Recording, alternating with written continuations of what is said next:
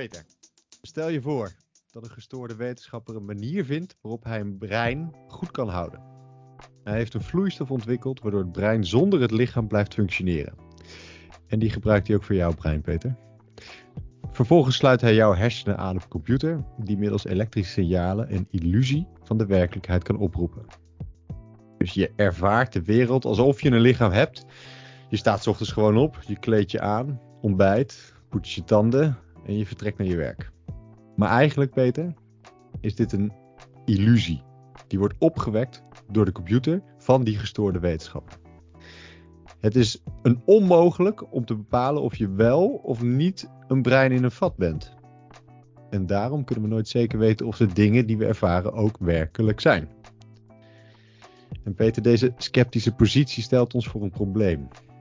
Wanneer we niet weten of we een brein in een vat zijn, kunnen we niets met zekerheid zeggen over de werkelijkheid. Wat, uh, wat denk jij? Wat voel je? Wat, wat, wat gaat er in je om als ik je dit gedachte-experiment voorleg, uh, Peter? Ja, eh, weet je, in, je introductie schieten er beelden van The Matrix, weet je, de film. En die serie Altered Carbon. Um, door mijn hoofd, zo'n hele futuristische films zijn dat. Maar het is wel precies en exact gebaseerd op hoe je het nu schetst. Is dat je gewoon een soort upload doet van je, van je, van je verwachtingen, van je herinneringen. En dan vervolgens besta je verder als een, als een kopie van jezelf. Weet je, Zo, zoiets kun je echt best wel in een film gieten, waardoor het echt, echt realiteit wordt. En, is, het, is het echt de realiteit? Nee, ja, volgens mij zit er wel een kern van waarheid in deze voorstelling. Van, um, het is, um, laten we zeggen, je, een, een, de werkelijkheid is een constructie van je hersenen. En aangezien daar ook zoiets li ligt als zelfbewustzijn en, en, je, en het gevoel uit je lijf en zo, zit er wel een kern van waarheid in. Zo kijken naar, zeker uh, hoe we de laatste jaren redeneren vanuit uh, mijn brein denkt en mijn brein doet dit en mijn brein inhibeert dat en mijn brein projecteert dat. Dus ik denk dat het uh, wel een soort in taal op zijn minst een, een echte, een, een, een reëel beeld is wat je nu oproept. Maar dat is toch angstaanjagend? Het idee dat wij hier niet zijn, dat er geen, geen wereld is, maar dat dat een brein in een vat is. En wat, wat een illusie van die werkelijkheid creëert. Ja, ja, en gelukkig hebben we filosofen die hier al enige tijd over nadenken. En die dan ook vooral daar hele interessante uitspraken over doen. Want het kan niet zo zijn dat je alleen een brein in een vat bent. Want, want dat lijf is veel meer betekenend in alles. Hè? Le lees um, Michel Serres introductie en je komt erachter dat je... Um, hij, hij doet uitspraken als vo voordat je iets in je gedachten hebt, zat het eerst in je lijf. Want het moet via de sensoren moet het geregistreerd worden. En voordat je iets kunt bedenken, moet je het eerst gezien hebben. En weet je wel, zo, zo, zo leef je vooral in de wereld en in je lijf voordat je in je hoofd leeft. Wow.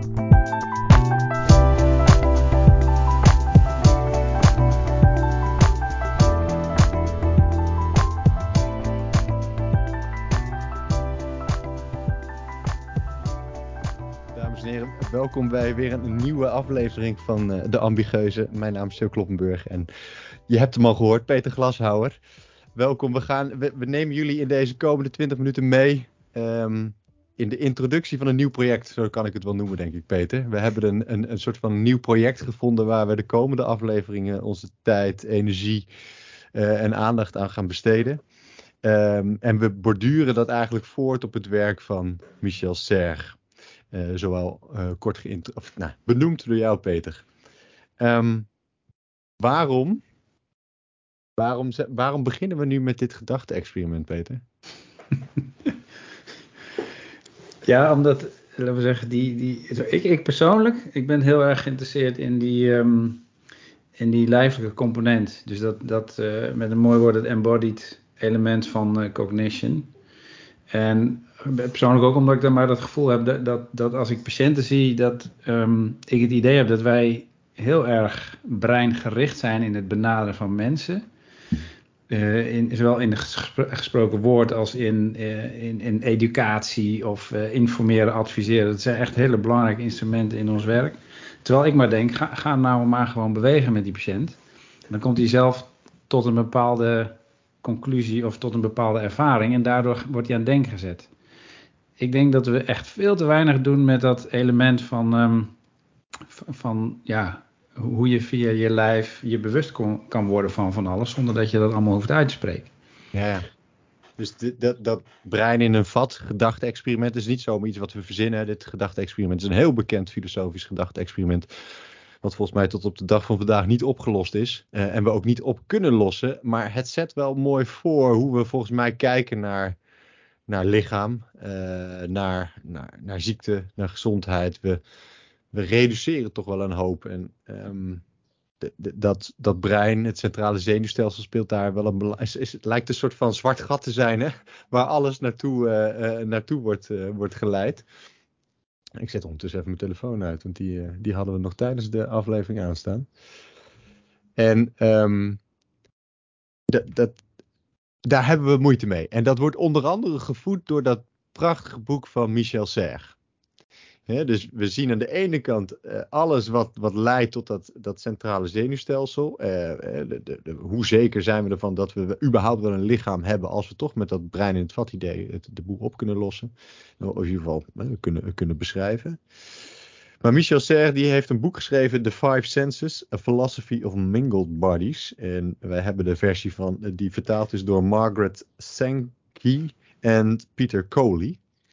Um, 2016 volgens mij, de laatste, laatste druk. Uh, en um, wij denken, mag ik in wij spreken Peter, wij denken dat dit toch wel een, een, een, een gedachtegoed gaat zijn wat misschien nog wel eens een ander perspectief gaat geven op een beetje die neurocentristische kijk. Ja, zeker. De, de, de, de, de kijk op hoe pijn werkt. Hè. De, de, we, hadden, uh, ja, we hebben het er vaak over, is dat je, dat je in, de, in de modellen van, um, van hoe ik naar studenten of naar ja, patiënten praat over hoe pijn werkt. En ik doe dat volgens de huidige literatuur. Dan begin ik met lijntjes van de schouder naar het brein te tekenen. En dan te vertellen over een sensor en een, ergens waar amplificatie plaatsvindt en leerprocessen plaatsvinden. Dat is allemaal, weet je, dat is een en al zenuwenwerk. En, en bovendien, eh, ook, wanneer je het uitbreidt langs uh, biopsychosociale lijnen, dan blijft het allemaal heel erg um, um, smalletjes uh, en reductionistisch, uh, zo gezegd, rondom hele neurocentristische modellen. Ook over angst en ook over, nou ja, allemaal, allemaal elementen van pijn en vrees en vreesachtigheid. En dan moet je, mhm. moet je het brein nieuwe ervaringen geven. En weet je wel zo. Uh, uh, dat, dat soort dingen zijn, zijn schering en inslag. Ja, en je, noemde, je noemde al pijn. Vanuit de, de, de luisteraars krijgen we ook af en toe wel eens de vraag hè, of, of wat, hoe we kijken naar pijn. hoe kunnen we daar ook een filosofisch perspectief vanuit onze amateuristische, nog steeds amateuristische aanpak. Of ja, ik weet niet of het aanpak moet zijn, maar in ieder geval wel. Onze, onze amateur filosofische aanpak. Ja, ja, ja, ja precies. Ja, hè. Gedreven op, op, op enthousiasme.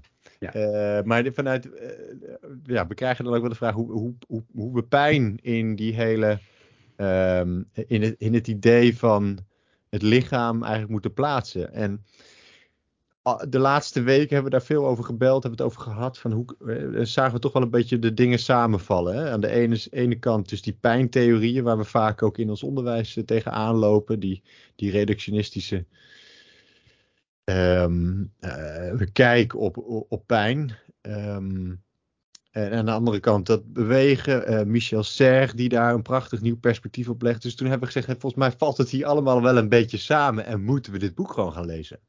Ja, en met dit boek gaan we kijken of we het één kunnen begrijpen. We besnappen een beetje wat, wat eh, Michel Serre eh, schrijft. En dat lijkt mij op basis van de intro nogal een uitdaging te gaan worden. En aan de andere kant kunnen we daar ehm, de, de huidige ideeën over pijn, over de, de kijk op dat lichaam, uh, misschien ook een beetje problematiseren? Is dat het een goede woord? Ja, zeker. Kijk, die, um, uh, als je die intro leest en, en dan heb je het over five senses, maar hoezo vijf zintuigen dan? Hè? Want weet je, is pijn dan niet ook gewoon een apart zintuig in de manier zoals ze erover praat? En dat je, en dan zeggen we ja, pijn en pijndetectie zijn bedoeld als bescherming tegen beschadiging van je lijf. Heel nuttig. Ja, alleen, als je het alleen op die manier zegt, dan wordt pijn dus een signaaltje van je, van je, van je slijmbeurs naar je brein. Um, terwijl, en dat, dat pijn aan zich heeft niks met zenuwen te maken. Dat zit in een veel breder palet aan allerlei sensorische informatie. Uh, op zijn minst, zo je wil. Maar dan nog is het geen pijn. Ja. En dat construct, uh, daar kom je wel in dat brein in het vat uh, verhaal. Dat construct is, is, een, is een uitkomst van processen die, die samen moeten vallen. En dan is iets meer begrijpen van hoe, hoe de zintuigen werken en lijken samen te werken, is wel handig. Dus ik, ik, ik zie daar echt enorme parallellen ehm, tussen, nou, zoiets als pijn, maar ook hoe, hoe bijvoorbeeld hoe Serge schrijft over um, um, hè, hoe dominant bijvoorbeeld het visuele systeem is. ja. En, en dat je dus heel veel aandacht geeft aan dingen die je wel kunt zien. En wat minder aandacht geeft aan dingen die je niet kunt zien, maar die er wel zijn. Ja, ja. ja precies. Ja. Dus het gaat verder dan alleen pijn. Maar wat ik zelf mooi vind om pijn ook te gebruiken. Uh, volgens mij is het meest uh, uh, recente gedachtegoed over pijn komt toch wel vanuit Mosley. onze Australische collega. Um, die, die vrij komische filmpjes ook uh, op YouTube heeft gezegd om, om, of gezet om, om pijn te, te verklaren. Maar als ik daar naar kijk, als ik, als, ik daar, um, als ik dat lees, als ik het probeer te begrijpen, komt het wat mij betreft nog steeds aan op die goede oude bekende Descartes. Namelijk, waar zit de verbinding tussen dat gevoel van pijn, wat volgens mij toch wel een beetje toebehoort aan het, aan, aan het gevoel van de geest als, eh, weet je, je kunt mij niet wijsmaken dat als ik pijn heb, dat het, dat het gewoon een chemisch proces is. Dat, dat als ik verdriet heb, dat, dat het gewoon simpelweg wat, wat chemie is eigenlijk die mij dat gevoel geeft. En uh, dus, dus pijn moet wat mij betreft plaatsen bij die geest. Maar Mosley en collega's, hè, dus we, eh, we, vatten het nu even samen onder Mosley, maar die, die dat toch wel reduceren naar die, naar die uh, een ja, neurologische of die, die, die, die neurocentristische aanpak. En waar komt dat dan samen? Waar wordt die, die verbinding tussen lichaam en geest gemaakt? En dat is toch dat is Descartes. En, en wat, ik, wat ik terugvind bij Serre, althans op basis van, van, van wat ik tot nu toe heb gelezen, is dat hij daar wel een echt een te gekke aanpak in heeft. Op basis van zintuigen en, en, en, en, en een niet-hiërarchische verdeling. En, een, een, een, een soort van aanpak, uh, hoe zeg je dat, een de, de, de samensmelting ook van de verschillende zintuigen om die ziel eigenlijk maar in de wereld te laten zijn. Ja, ja op zijn minst, eh, laten we zeggen, die, um, en dat vind ik het mooie aan, uh, aan, de, aan, de, aan de filosofie, is dat je dus um, in dit geval, um, de, de, je, je zintuigen zijn eigenlijk de grensovergang tussen je ziel en de wereld buiten. Ja. Of uh, tussen je ziel en eigenlijk ook je, je binnenwereld. Dus inderdaad, soort pijn is een soort van, er, er zit een soort grensoverschrijding in. In hoe, hoe, kom je van het besef van schade ergens in je lijf tot het besef van pijn? Daar, daar zit een soort overgang in, een overgangssituatie, een betekenisvolle situatie. Um, die, die um, die gestalte krijgen. En dan zijn die voorbeelden van, um, ja, van de huid bijvoorbeeld als een fysieke scheiding tussen jouw binnenwereld en je buitenwereld. En toevallig zit het lijf vol met sensoren die, die, die, die ook juist heel veel informatie geven over ja, die buitenwereld. Omdat je toch een soort van indruk moet krijgen van hoe dat dan is. En dan, ja, door daar zo over te schrijven, wordt, het, wordt die dimensie, die complexe dimensie, veel uh, tastbaarder voor mij. Ja, ja, ja zeker. Ja. Dat, dat, en dat hoop ik ook daar een soort van wat meer handvat in te krijgen in dat denken van hoe, hoe je. Uh, en wie weet ook wel weer nieuwe ideeën geeft over het begrijpen, understanding pain, zoals, eh, zoals Mosley ook. Hey, we, we, we, zetten hem nu even heel zwart-wit. Hè? Eigenlijk zeggen we, ja, Mosley, uh, je gaat te snel. Ja, te snel. Nou, ik vind wel, ik moet, moet zeggen, Mosley, zeer inspirerende man. En ook zeer inspirerende ideeën. Alleen, ja, laten we zeggen, zijn, zijn boek is toch voornamelijk in de oren van veel mensen begrijpt de pijn. Maar als je dan probeert te begrijpen waar hij het over heeft, dan is het wel dat verhaal van dat signaaltje wat van de periferie naar centraal reist. Helaas. Ja. En daar eventueel door sensitiserende processen versterkt gaat worden. Nou, ja. weet je, waarschijnlijk doen we hem tekort nu. Ja, precies. niet persoonlijk, uh, Lorma, als je luistert, maar. Ja. Um... Maar het geeft wel, weet je, voor ons is het voer om weer na te gaan denken over zintuigen en over, over dat lichaam. En eh, ja, ik denk dat de luisteraar toch wel inmiddels herkent dat we. Hoeveel afleveringen hadden we gemaakt nu, Peter? Je had ze laatst geteld. Nee, ja, ik, ik durf niet meer te zeggen zeven. Ja, nee, volgens mij zitten we er al op meer. Maar in ieder geval dat, dat het lichaam eerst denken. Dat is toch wel iets wat continu bij ons opborrelt. Hè? Ja. Het belang ook van het lichaam. Ik weet niet of het komt omdat dat dat we toch van huis uit uh, fysiotherapeuten zijn en dat lichaam we toch altijd onder de loep leggen. Maar uh, ja, het, die, die, die, filosofische stroming die spreekt ons aan. Je zei het net al even, we, we duiken even naar, we kijken naar het boek. We hebben ons nu alleen beperkt tot de introductie. En uh, toen kreeg ik het al warm. toen dacht ik, waar zijn we aan begonnen? maar dit boek is opgebouwd uit een introductie en vijf hoofdstukken. Namelijk sluiers, ik vertaal direct even. Um, boxes, dozen. Tables, dat is tafels. Visit. En joy. Ik, hoe zou jij visit vertalen? Bezoeken. Ja. De, ja, en, en, joy een soort van geluk of. of waarom, waarom waarom zijn deze vijf hoofdstukken gekozen? Dat is niet voor niks volgens mij. Hè? Nee, ja, daar heb ik wel wat over gelezen. Ik, ik denk wel dat als je dit zo aanhoort, je, je, je, komt gelijk uit bij, bij dat het ook wel een taalkunstenaar is hoor, die. En, en echt mooi ook hoor, want ik, ik, ik zit ook te denken, die, hij doet in één, op één bladzij, heeft hij dat voorbeeld van um, ehm, 15 woorden gebruiken om om een pokdalig gezicht te beschrijven. Kijk, dat is één woord pokdalig en dan weet je precies wat ik bedoel. Maar wat het betekent voor die persoon of voor jou als je ernaar kijkt. Om pokdalig gezicht te hebben in het verleden of in de toekomst. Dan, weet je, daar heb je 15 woorden, zo niet oneindig veel woorden voor nodig. En even later draait hij het precies om. Dan heeft hij boeket ja. als, een, als een, veel, een, een groot palet aan geuren en, en kleuren. zowel bloemen als als zo'n geurperspectief, waarbij oneindig veel um, perspectieven zijn op boeket, vangt hij in één woord. En dat is gewoon een soort woordentruc. Ja. En dan moet je niet bang voor zijn om dit soort dingen uh, tegen te komen. Maar ik vind het prachtig. Ik vind het echt prachtig. Maar wat, wat, die hoofdstukken betekenen, ja, ik, ik moet er nog achter komen. Ik sta er een beetje. Ja, en ik dacht wat te herkennen dat die. Uh, uh, het zijn de vijf. Eh, en de, de vijf zintuigen. Dus eigenlijk probeert ook wel elk hoofdstuk een soort van te koppelen volgens mij aan een categorie van zintuigen. Maar daar worden we ook al gelijk voor gewaarschuwd in, uh, in de introductie. Dat het idee dat je ze gewoon even een soort van chronologisch of hiërarchisch afloopt.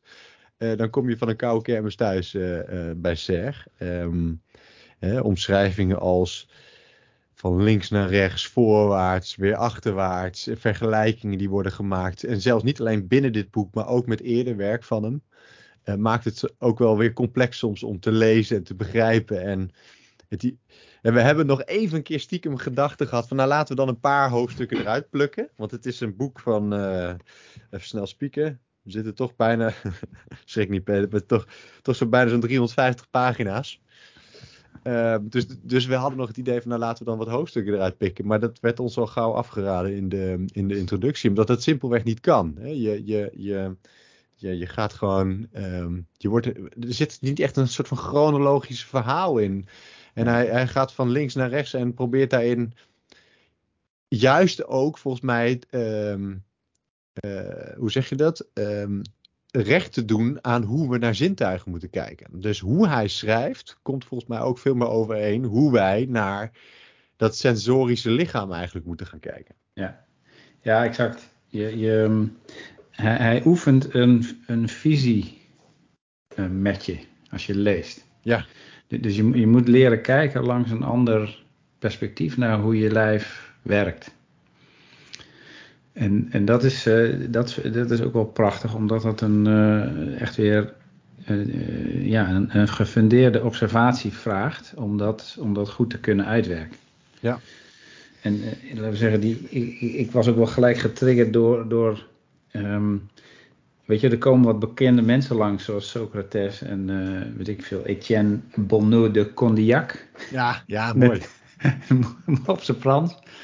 en dat hij, um, dat hij het gelijk aan de stok heeft met, die, met ideeën van die mensen. En, en die Socrates, ja, die, die kletste te veel, zijn eeuwige gepraat. Zelfs als hij op zijn sterfbed ligt, dan, uh, dan praat hij om, uh, om, laten we zeggen, zijn angst um, voor het naderende te omzeilen. Ja, en, ja. en weet je wel, Griekse goden, um, weet je, Argus, Argus met al zijn ogen versus Hermes en zijn fluit, hè, dus, dus ja. geluid. Prachtig hoe die, die uitwerkt, maar dat is misschien ook een leuke teaser, denk ik, voor hoe dat straks uitgewerkt wordt. Ja, precies, ja. ja ik, ik werd wel getriggerd door, hè. op zich, het, is wel, het was wel echt een tegendenker. Uh, ook ja. volgens mij in, de, in zijn tijd uh, richting de, de, de huidige academici had wel echt de behoefte om daar, en dat sprak hij ook graag uit, hè, om daar vol tegen in te gaan. En uh, op een andere manier, en dat volgens mij dat heeft hem dat ook geholpen om op een andere manier te gaan kijken. Maar dat maakt wel dat wij, wij zijn natuurlijk ook opgeleid in die, in die wat klassiekere vorm. Uh, dus dat vraagt ook van ons veel flexibiliteit. En laat staan nog even de Engelse taal die er bovenop komt. Dus een woord of zes per pagina opzoeken is, is uh, volgens mij geen uitzondering. Nee. nee, laat dat maar aan ons over u als luisteraar hoeft zich daar geen zorgen over te maken. Nee, ja, oh, nou, ik, en dat maakt wel dat ik nu al het zweet onder de oksels heb. Van, het, wordt wel, uh, het wordt wel een gevecht, maar ik ga hem graag aan. En uh, er is nog één puntje wat ik, wat ik eigenlijk nog wel interessant vind om te benoemen. Want, um, en ik, ik, ben benieuwd hoe jij het gelezen hebt. Want hij gaat op een gegeven moment ook in tegen de taal op zich. Hè? Dus hoe de taal um, en die fenomenologie. Ja. Uh, hij heeft daar toch een vorm van een bepaalde aversie tegen. En, en, komt dat omdat Ser nog steeds heel erg gelooft in dat er echt wel een werkelijkheid is die we kunnen gaan leren kennen? Dus dat dat niet een soort van construct is die door onszelf gemaakt wordt, maar dat, dat wij nog steeds gewoon lichamen zijn in een onafhankelijke werkelijkheid. En dat dat misschien weer een beetje in contrast staat met de fenomenologie, of hoe heb jij dat gelezen? Ja, nou ja, volgens mij die, die onafhankelijkheid is belangrijk is dat, dat um, um, volgens mij is zijn, hij ageert ook heel hard tegen um, uh, het gesproken woord, ja. omdat dat gelijk mensen categoriseert. En dat in, in die categorisering is, dat, is die gedachte die in je hoofd zit en dat gesproken woord wat in je hoofd zit, do, uh, zit gelijk in het hokje van het brein. En daarmee doe je het lijf per definitie tekort. Ja. Zo omschrijft hij dat een beetje. Maar eigenlijk gaat het om dat, dat, je op, op alle congressen van de wereld het gesproken woord hoort.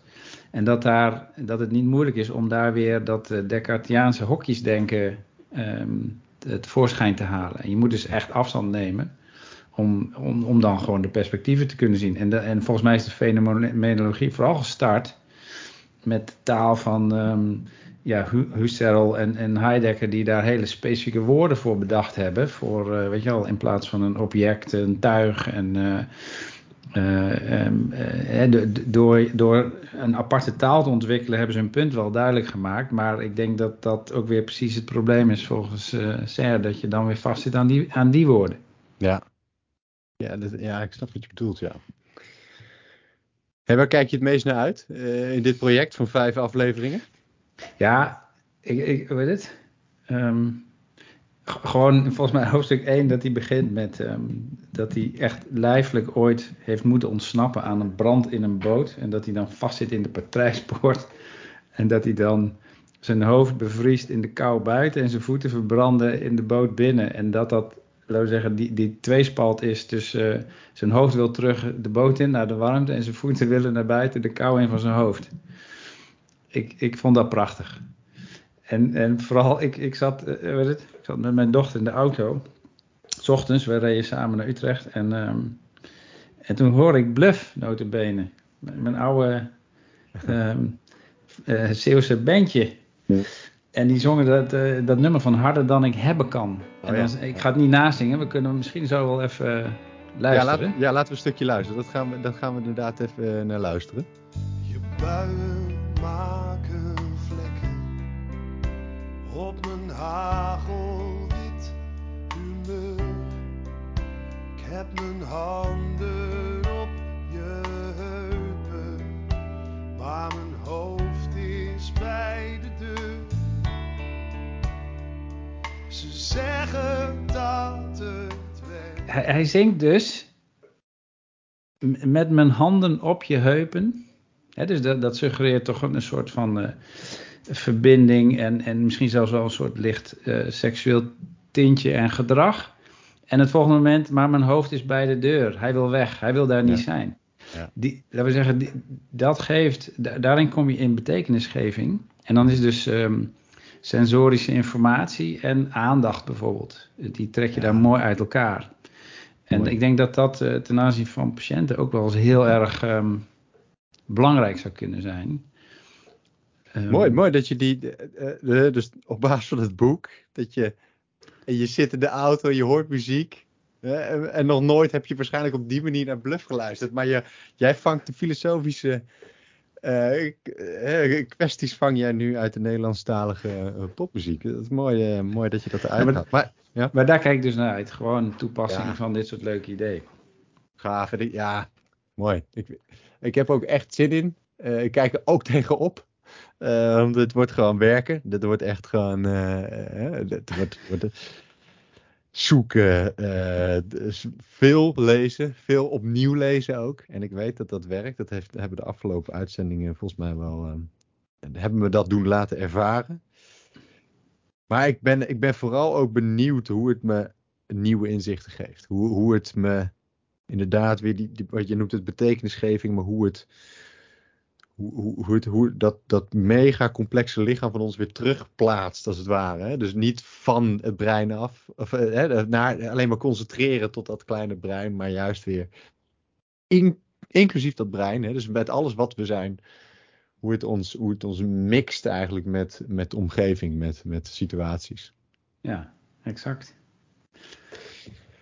Alright, we gaan, eh, volgens mij moeten we, moeten we gewoon aan de slag. We gaan, eh, we gaan lezen. En ehm, eh, ja, ik nodig eigenlijk iedereen uit om, om met ons mee te gaan lezen. Nogmaals, het boek Michel Serre, The Five Senses, A Philosophy of Mingled Bodies. En we hebben een vertaling van Margaret eh, Sankey en Peter Coley. Wij hebben de versie van, volgens mij is het dus de derde print, 2016 dacht ik dat we hebben. Ehm, ja, een, een, een- lees met ons mee. Eh, heb je vragen, heb je ideeën? Je kunt altijd mailen naar uh, ambigeuzen.gmail.com. Uh, maar ook onder de aflevering, bijvoorbeeld onder deze aflevering, kun je op Spotify je bericht plaatsen. En dat, dat vinden we natuurlijk ontzettend leuk om te lezen ook. En, en, daar gaan we sowieso ook wat mee doen.